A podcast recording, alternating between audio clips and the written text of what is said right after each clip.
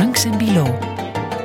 Heel erg welkom. Het is deze maand exact 75 jaar geleden dat de universele verklaring van de rechten van de mens ondertekend werd. En volgend jaar bestaat ook de Conventie van Genève 75 jaar. Dat is het verdrag waarin bijvoorbeeld het humanitair oorlogsrecht is opgenomen. Zeg maar de regels die onder meer burgers moeten beschermen in tijden van oorlog. Twee belangrijke verjaardagen waar we denk ik, als mensheid best trots op mogen zijn, toch, Rudy? Absoluut. Als er iets is wat de vooruitgang is, dan is het uh, het internationaal recht. Alleen lijkt het meer de processie van echternach soms. Hè? Dat is hoeveel vraag... gaan we vooruit en hoeveel gaan we achteruit? Dat is de vraag die we in deze aflevering inderdaad willen stellen. Valt er eigenlijk wel iets te vieren? Stelt dat humanitair recht wel zoveel voor nu Oekraïne al twee jaar in brand staat en de burgers van Gaza dagelijks worden gebombardeerd? Waarnemers die waarschuwen bovendien dat het eh, toenemende gebruik van artificiële intelligentie bij oorlogsvoering de mensenrechten nog veel meer onder druk zal zetten. Dus hoe ziet de toekomst van ons felbevochten mensen- en oorlogsrecht eruit? Rudy en ik, we gaan het eh, bespreken met Robin van der Borgt. Heel erg welkom. Goedemiddag doctoraatsonderzoeker internationale politiek aan de Universiteit Antwerpen. Ja, dat klopt. Jij doet specifiek onderzoek, Robin, naar nieuwe militaire technologieën, zoals artificiële intelligentie en hoe die de geopolitieke machtsverhoudingen beïnvloeden. Leg ik dat goed uit? Inderdaad. Mijn onderzoek focust eigenlijk voornamelijk op kernwapens en hoe dat de stabiliteit die die zogezegd zouden creëren um, uh, in verhouding staat tot nieuwe militaire technologieën, zoals artificiële intelligentie en hypersonische wapensystemen. Goed, daarop gaan we sowieso straks nog doorgaan, hè, die rol van artificiële intelligentie. Misschien moeten we het eerst eens hebben, beste Robin, um, over een uh, opiniestuk dat je geschreven hebt in uh, De Standaard samen met een, uh, een collega. Ja, dat klopt. Over specifiek nu de oorlog in, in Gaza. Misschien moet je eens uitleggen wat je, wat je these daar in, in dat opiniestuk precies is. Ja, samen met Marijn Hoytink, professor bij ons in het departement Politieke Wetenschappen, hebben we een stuk geschreven over het gebruik van artificiële intelligentie door het Israëlische leger. Mm -hmm. Een aantal weken geleden hebben een aantal officieren, hoge officieren van het Israëlische leger, uh, toegegeven dat ze AI gebruiken uh, mm -hmm. bij het selecteren van doelwitten. Um, en het gebruik van AI kadert in een soort van hoogtechnologisch discours dat uh, toch overheerst wanneer we het hebben over het Israëlische leger. Die hebben heel geavanceerde militaire technologieën, een heel geavanceerd leger. En de crux van ons opiniestuk is dat, die, dat technologisch, uh, die technologische superioriteit niet verward moet worden met een soort van morele superioriteit. Het is niet omdat ze precisiewapens gebruiken dat ze effectief in overeenstemming zijn met de regels van het oorlogsrecht. Ja. Ja. Uh, het is niet omdat ze waarschuwingen uh, uitsturen dat die voldoende zijn om ja. aan de principes van het oorlogsrecht... Laten we misschien eerst even inderdaad de, de Israëlische argumentatie eens beluisteren. Um, ik heb er een uitspraak bij genomen van Daniel Hagari, denk ik, heeft hij een woordvoerder ieder geval Agari, van de... ja. Agari. Degene die je altijd ziet overal. Die, voilà, die dus die man daar, ja. woordvoerder van Israëlische Defensie, die zich dus sterk maakt dat um, Israël terugslaat uh, naar Hamas, uh, overeenkomstig het, uh, het internationaal recht. We will operate as we have done until now, according to international law. While Hamas terrorists hide behind civilians, Israel does its best to distinguish between civilians and terrorists. Ja, dat is natuurlijk waar het al heel lang over gaat nu in uh, die oorlog tussen Israël en Hamas. Israël dat van, uh, ja, van Hamas eigenlijk beweert dat ze Palestijnen, onschuldige Gazanen gebruiken als, als menselijk schild. En Israël dat beweert, ja, maar wij kunnen perfect het onderscheid maken. Ja, dat is natuurlijk een um, opvallende uitspraak. Eerst en vooral, internationaal humanitair recht gaat uit van, gaat niet uit van een principe van wederkerigheid. Het is niet omdat Hamas menselijke schilden gebruikt, in strijd met het oorlogsrecht, dat de tegenpartij Israël ook de regels van het oorlogsrecht niet meer in Dat geeft hen geen vrijgeleide. Exact. Ja, ja. ja, dus zij moeten zich ook houden aan die principes van het oorlogsrecht. Uh, onderscheid is daar heel belangrijk, proportionaliteit en de nodige voorzorgsmaatregelen nemen. En we zien toch in de praktijk, en zeker uh, na een aantal uh, artikels die zijn verschenen recent, die ja, die toch uh, informatie hebben gegeven over hoe dat die targetingprocedure werkt, zien we dat die regels niet meer echt in, uh, in dacht worden genomen. Je moet eigenlijk, het, het bredere kader is dat Israël zegt, en het Israëlisch leger de reputatie heeft om het meest morele en humane leger te zijn bij de vorige oorlog, die heel precies te werk gaat. Hè, met red card holders van wanneer en waar. Dat is een, een idee dat ook leeft bij al de analisten die die, die mensen kennen, hè, al de, de militairen in onze omgeving en zo. De vraag is of dat nu ook nog geldt en of dat onder meer door artificial intelligence en doordat men nu misschien sluipend of ongemerkt die rules of engagement, de manier waarop je, wanneer je toeslaat en hoe je toeslaat, dat je die veranderd hebt. Men blijft zeggen van wij zijn het meest morele, wij verwaarschuwen, wij doen dat. Maar het is niet omdat een regering of een leger zegt van dat de aarde plat is, dat die mhm. ook plat is natuurlijk. Robin, misschien moet je eerst even uitleggen op welke manier Israël artificiële intelligentie inzet in deze oorlog. Op welke manier hen dat helpt om zogezegd burgerslachtoffers te sparen. Ja, dus vorige weekend is er een heel uh, opzienbarend artikel verschenen van 972-magazine uh, en, en uh, Local Calls en Israëlische en Palestijnse onderzoekers die Israëlische militairen hebben geïnterviewd en ook uh, bronnen hebben onderzocht in, in Gaza. Mhm. Ehm, en daaruit blijkt dat ze een soort uh, software systeem hebben, genaamd de Gospel, Hapsora denk ik, dat hen helpt bij het uh, aanbrengen van, militaire, uh, van doelwitten. Uh, het bepalen van militaire doelwitten, ja. Ja, exact. Dus er wordt heel veel data geanalyseerd in dat systeem. Israël beschikt over heel veel data. Um, en die data worden gebruikt om doelwitten te genereren. We zien dat daar nu 100 tot 200 doelwitten per dag worden gegenereerd, terwijl vroeger, voor tientallen jaar geleden, spreek, spraken over 50 doelwitten per jaar die worden ja. Eh, vastgelegd. In vorige oorlogen waren er veel minder doelwitten. En dan werd het door menselijke controle gekeken van is het wel, inderdaad zijn er niet te veel burgers enzovoort. Nu wordt het bijna automatisch generated. Ja, klopt. En wat ik belangrijk vind eh, als je het artikel bekijkt, is dat men dat men ook het, ja, de parameters veranderd heeft voor wanneer men welke soorten targets zijn. Men noemt power targets. Ja, dit begint al toch te vergelijden van dat, dat men daar niet meer naar kijkt dan. Nee, absoluut, absoluut. Dus de principes van het oorlogsrecht zeggen dat er onderscheid moet worden gemaakt tussen strijders en burgers. Mhm. En dat elke aanval proportioneel moet zijn naar gelang het target. En we zien nu blijkbaar, dat komt uit het artikel toch ook, dat zelfs bij low-level uh, Hamas-strijders, die normaal gezien uh, niet snel zouden worden aangevallen uit schrik voor veel uh, burgerslachtoffers die daarbij zouden vallen, dat die nu even goed worden aangevallen en dat daar weinig tot geen rekening wordt gehouden met het feit dat er veel burgerslachtoffers zullen vallen. En inderdaad, de rules of engagement lijken daar veranderd te zijn. Collateral damage is veel hoger en wordt door het nieuwe beleid op een veel hoger niveau getild dan vroeger het, het geval was. Ah, dat moet, ik dat, moet ik dat dan echt zo zien, dat er dus effectief niet, niet, niet echt meer gewoon legerchefs samen rond, bij wijze van spreken, een, eh, een kaart gaan zitten en met de informatie die ze van het veld krijgen, dan zelf beslissingen nemen over uh, doelen bepalen en beslissen waar ze wel of niet gaan, uh, gaan bombarderen of toeslaan. Dat ze dus effectief alle informatie in een soort algoritme stoppen en dat ze zich dan door dat algoritme laten vertellen waar ze eigenlijk moeten bombarderen. Effectief. Moet ik het mij echt zo voorstellen? Ja, dat is effectief hoe dat nu wordt uh, voorgesteld inderdaad, in, de, in dat onderzoek ook. Dus de data die wordt verzameld, de informatie die wordt verzameld, wordt geanalyseerd door dat systeem. Dat systeem biedt heel veel doelwitten aan.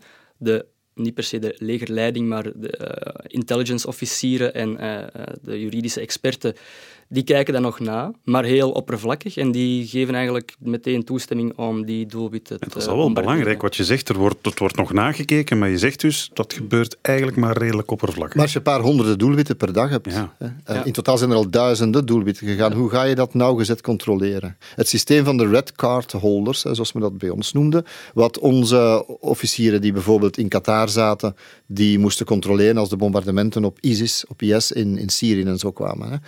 Er was de regel dat het toch altijd heel nauwgezet moest gekeken worden. Zijn er geen burger? Dat zijn de red card holders, dat zijn degenen die, die controleren. Die kunnen zeggen, de rode kaart wordt getrokken. Nee, abort mission. Okay, ja. Het gaat niet door het bombardement.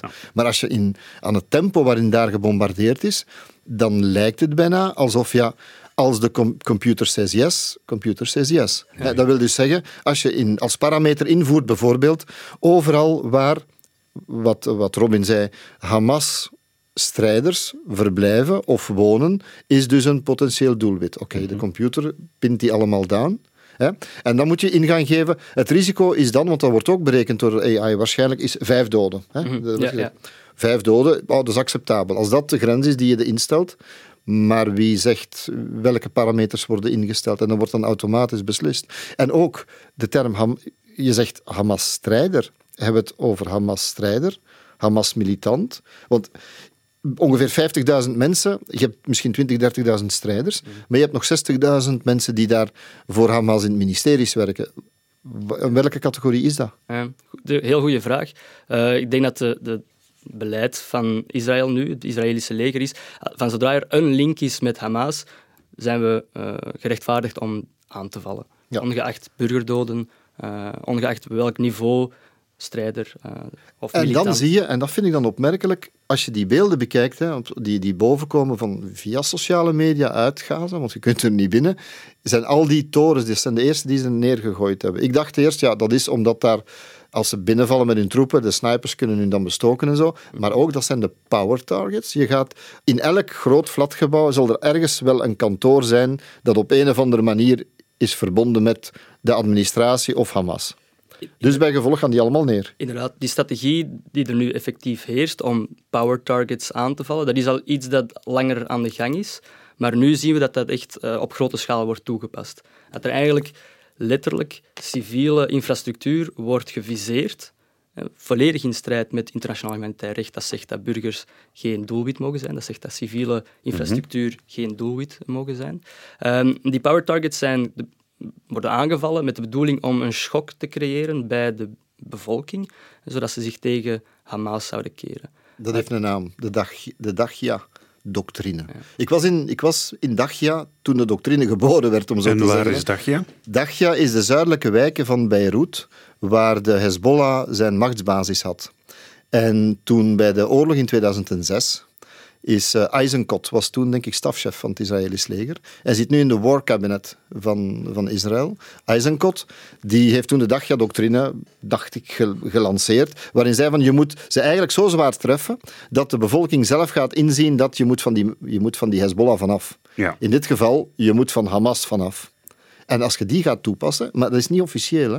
als je dat gaat toepassen op Gaza, dat is het beeld dat je ziet. Ja, zelfs in een historische context is dat niet nieuw. Hè. We zagen dat ook tijdens de Tweede Wereldoorlog, bij de Blitz in Londen, waaruit de burgerbevolking target werd, geviseerd werd, met het doel om die burgerbevolking te terroriseren. En tegen... Of Dresden, hè? Ik bedoel, ja, Dresden. Maar ook... Alliëren hebben het ook gedaan. Dresden wordt dan als voorbeeld aangehaald door, ja. door de Israëlische regering. Kijk, Dresden is veel ja. was veel erger.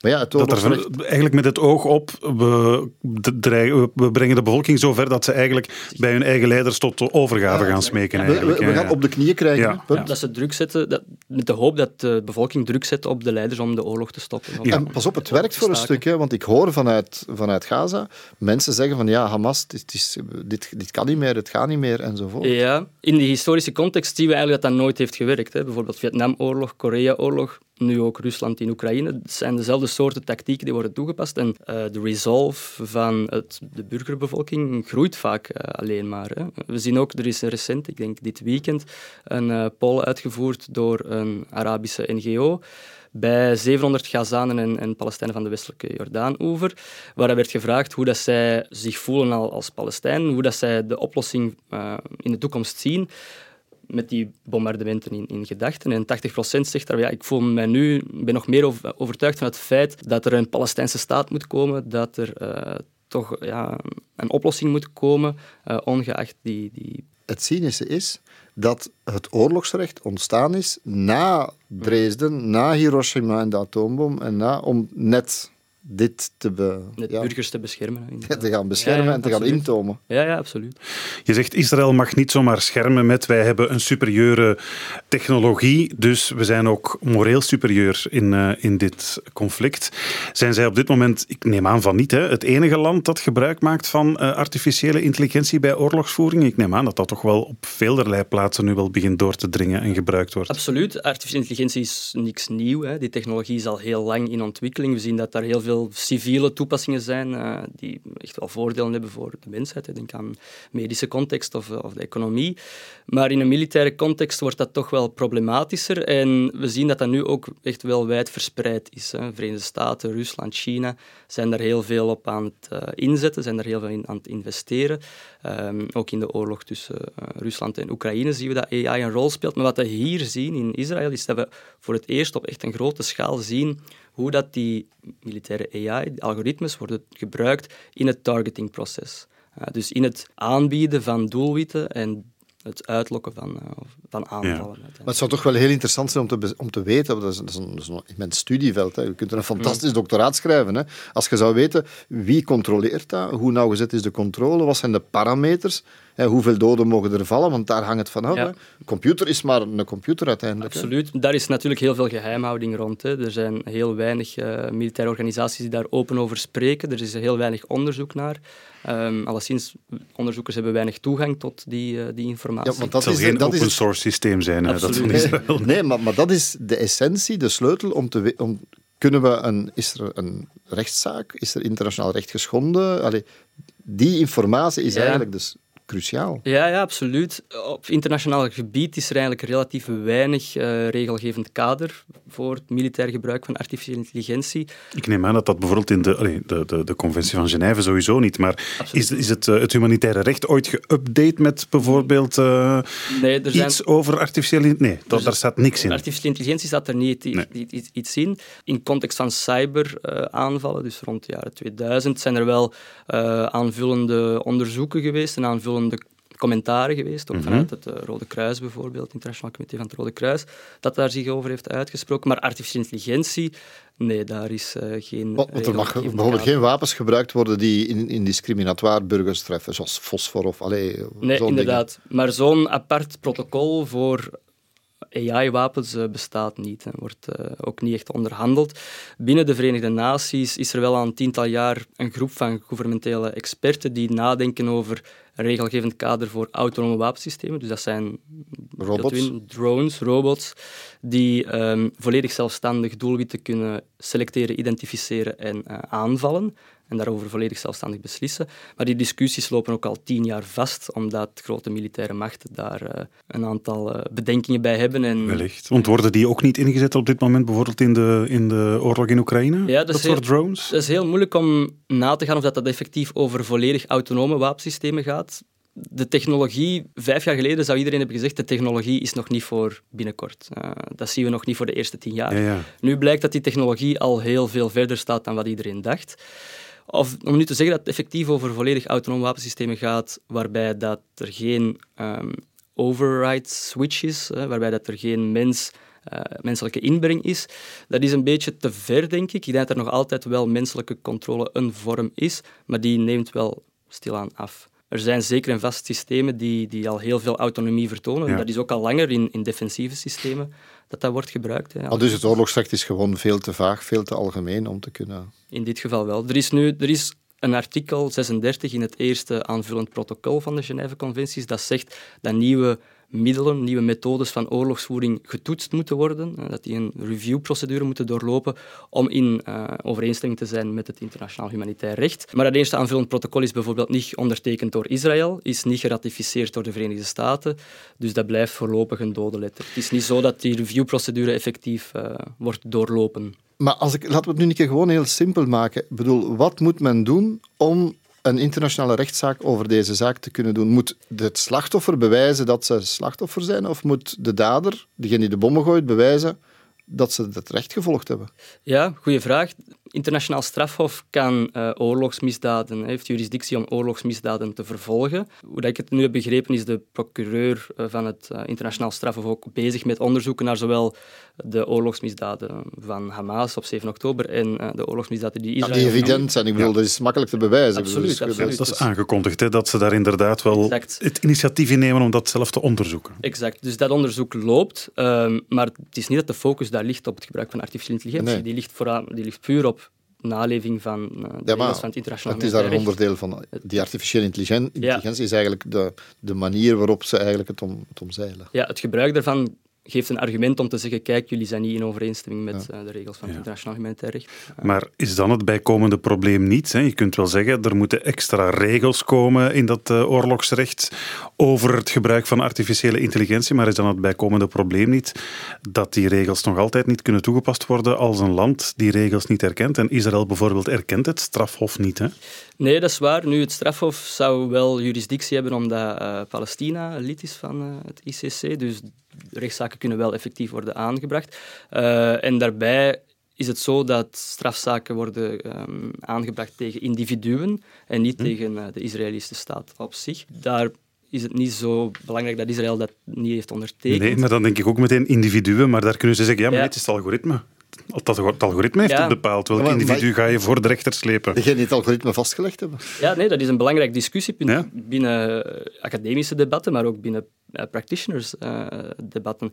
Dus welk, waar ligt de verantwoordelijkheid voor fouten die begaan worden door het systeem? Ligt dat bij de ontwikkelaar van het artificiële intelligentiesysteem? Ligt dat bij degene die op de knop heeft gedrukt om het in te zetten? Ligt dat bij de militaire leider die de operatie heeft uh, opgestart? Dus daar, daar, ligt, daar is heel veel debat over en dat is gewoon heel onduidelijk. Uh, ja. maar, goed, als we het hebben over het inbreuken op het humanitair recht in want dat gaat een discussie die gaat blijven woeden natuurlijk in, in Gaza. Je hebt dan die drie checks hè, die ik hier zie. Je hebt onderscheid tussen strijders en niet-strijders. Dat is, daar hadden we het al over gehad met die targeting. Ja, als dat een wijk is waar dat er een Hamas-militant of een, was dat een strijder of niet.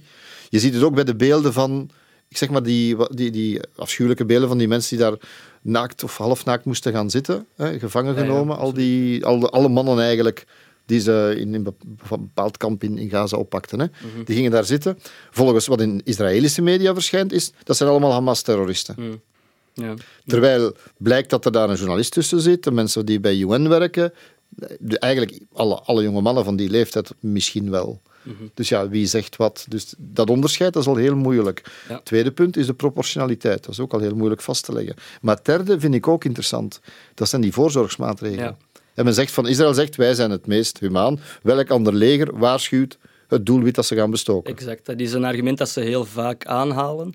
Dat ze uh, de nodige voorzorgsmaatregelen nemen.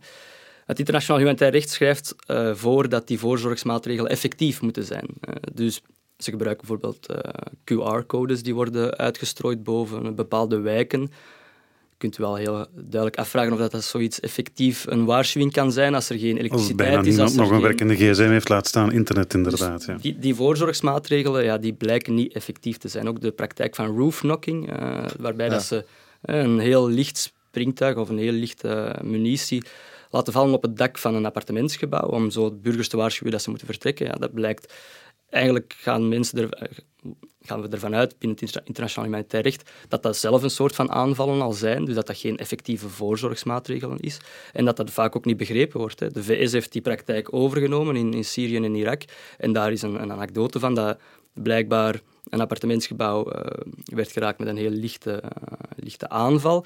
Dat de mensen daaruit dat appartementsgebouw zijn vertrokken, een paar minuten later terug zijn gegaan, want ze dachten dat de aanval voorbij was. Maar dan bleek het om een waarschuwing te gaan en is de effectieve aanval pas later, heeft die pas later plaatsgevonden en zijn die mensen dus ook gestorven. Ja, trouwens, over de, over de oorlog nu in Gaza las ik ook zo'n verhaal in, uh, ik denk op de, de site van de BBC, dat ze soms ook gewoon naar uh, een lukraak telefoonnummer bellen in een gebouw en de persoon in kwestie die opneemt eigenlijk de opdracht geven van zorg jij maar voor de evacuatie. Dus het was een verhaal nu specifiek van een tandarts blijkbaar die zo'n telefoon had gekregen en dus plots met de verantwoordelijkheid werd belast om daar uh, ja, eigenlijk uh, al, die, al die andere mensen te gaan redden. Eigenlijk. Ja, voilà. Dat zijn geen effectieve voorzorgsmaatregelen die worden genomen die in, in uh, overeenstemming zijn met internationaal humanitair recht, wat, wat mij betreft. Mm -hmm. Ja, ongelooflijk ook, omdat je zei het daarnet al, door die, de gospel, hè, dat AI-programma dat Israël nu gebruikt, kunnen ze ook veel meer targets bepalen en dus ook veel meer bombarderen. Ik geloof dat ze sinds 7 oktober al aan meer dan 11.000 targets zitten. Veel meer. Of veel meer zelfs.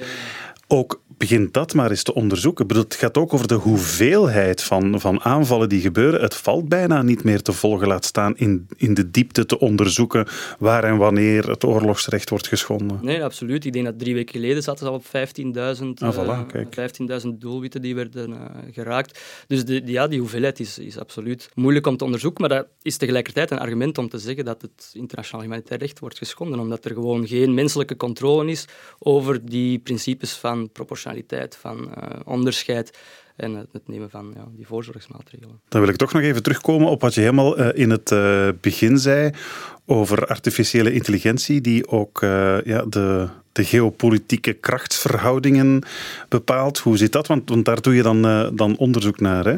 Ja, in principe zien we nu dat er een soort van technologische race uh, aan de gang is tussen uh, militaire grootmachten. Zoals... Een nieuwe wapenwet loopt maar dan naar Absoluut. AI. Ja. Alleszins, dat is de perceptie die wordt gecreëerd door er zo over te praten. Hè, door de VS die er zo over nadenkt, door China die er zo over nadenkt. En we zien effectief de dynamiek van een wapenwetloop, waarbij dat de ene staat uh, angst heeft dat de andere staat vooruit loopt met innovatie, met militaire technologie van artificiële intelligentie bijvoorbeeld.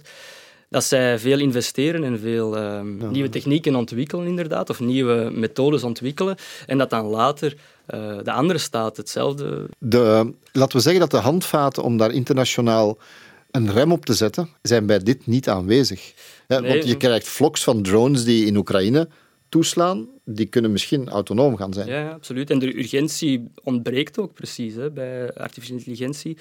Uh, de grote, allee, grote staten zijn bezig met die ontwikkeling. Ook bedrijven zetten er heel veel op in. Er is het, ja, het probleem van het duaal karakter, dat je niet zomaar uh, artificiële intelligentie innovatie kunt temperen, want uh, ja, er, hebben ook, er zijn civiele toepassingen die natuurlijk heel, heel waardevol zijn.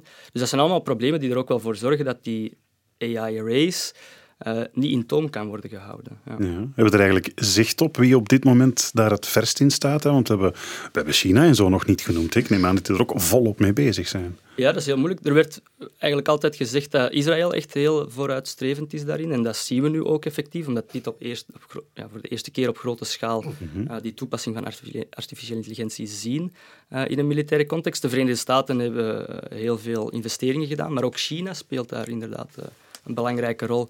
Um, we zien dat zij heel veel inzetten op militaire AI en dat daar het civiele en het militaire een beetje samenkomt. Dus dat ze innovatie daarin uh, aansporen, die dan zowel uh, civiele doeleinden um, nastreeft als militaire ja. doeleinden. Dus ja. ja. er zijn een aantal grote spelers, maar dan ook uh, Rusland heeft ook al enkele jaren een programma om artificiële intelligentie in hun militaire organisatie te incorporeren. we zien het gebruik nu ook in, in Oekraïne. Um, dus er zijn een aantal kernspelers die daar echt wel, um, ja, die er echt wel veel op inzetten. Het is wel echt een revolutie, het is een militaire revolutie eigenlijk, hè, die zich op dit moment aan het voltrekken is, waar we eigenlijk, denk ik, het begin, laat staan het einde, uh, nog niet van kennen. Goh, ja, revolutie, het is, ik zou het eerder een evolutie noemen. Het is al een proces dat lang, uh, lang loopt. Hè. Maar het voelt alsof het zich wel heel snel aan het ontwikkelen is, toch? Nu zien we ja. inderdaad effectief voor de eerste keer die, die grootschalige toepassing.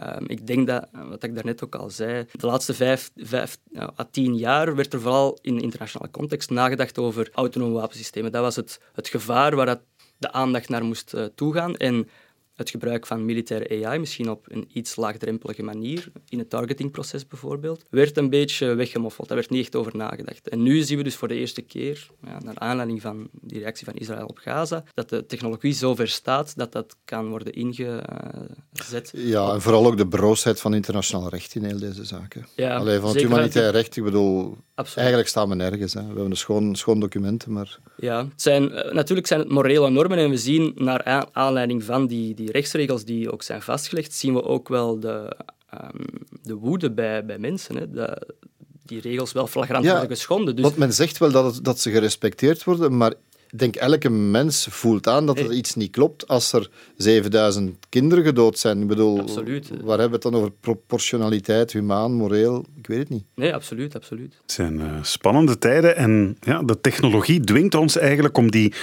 intussen 75 jaar oude verdragen misschien toch eens uh, up te daten, of te updaten moet ik zeggen in schoon Nederlands. Ja, ik denk dat dat wel de conclusie is na uh, deze uiteenzetting. En wat ik ook heel zeker weet, beste Robin van der Borgt, is dat jij als doctoraatsonderzoeker internationale politiek nog niet snel werkloos gaat worden. Dat denk ik ook niet. We staan nog maar aan het begin. Ja, ik wil jou heel erg danken om naar onze podcast te komen, beste Robin. Ja, graag gedaan. Dank u voor de uitnodiging. Dank u. Met veel plezier. Veel stof om over na te denken tijdens de kerst- en feestdagen. Ja, vrede op aarde. voor iedereen. Ja. Tot gauw. Franks en Bilo.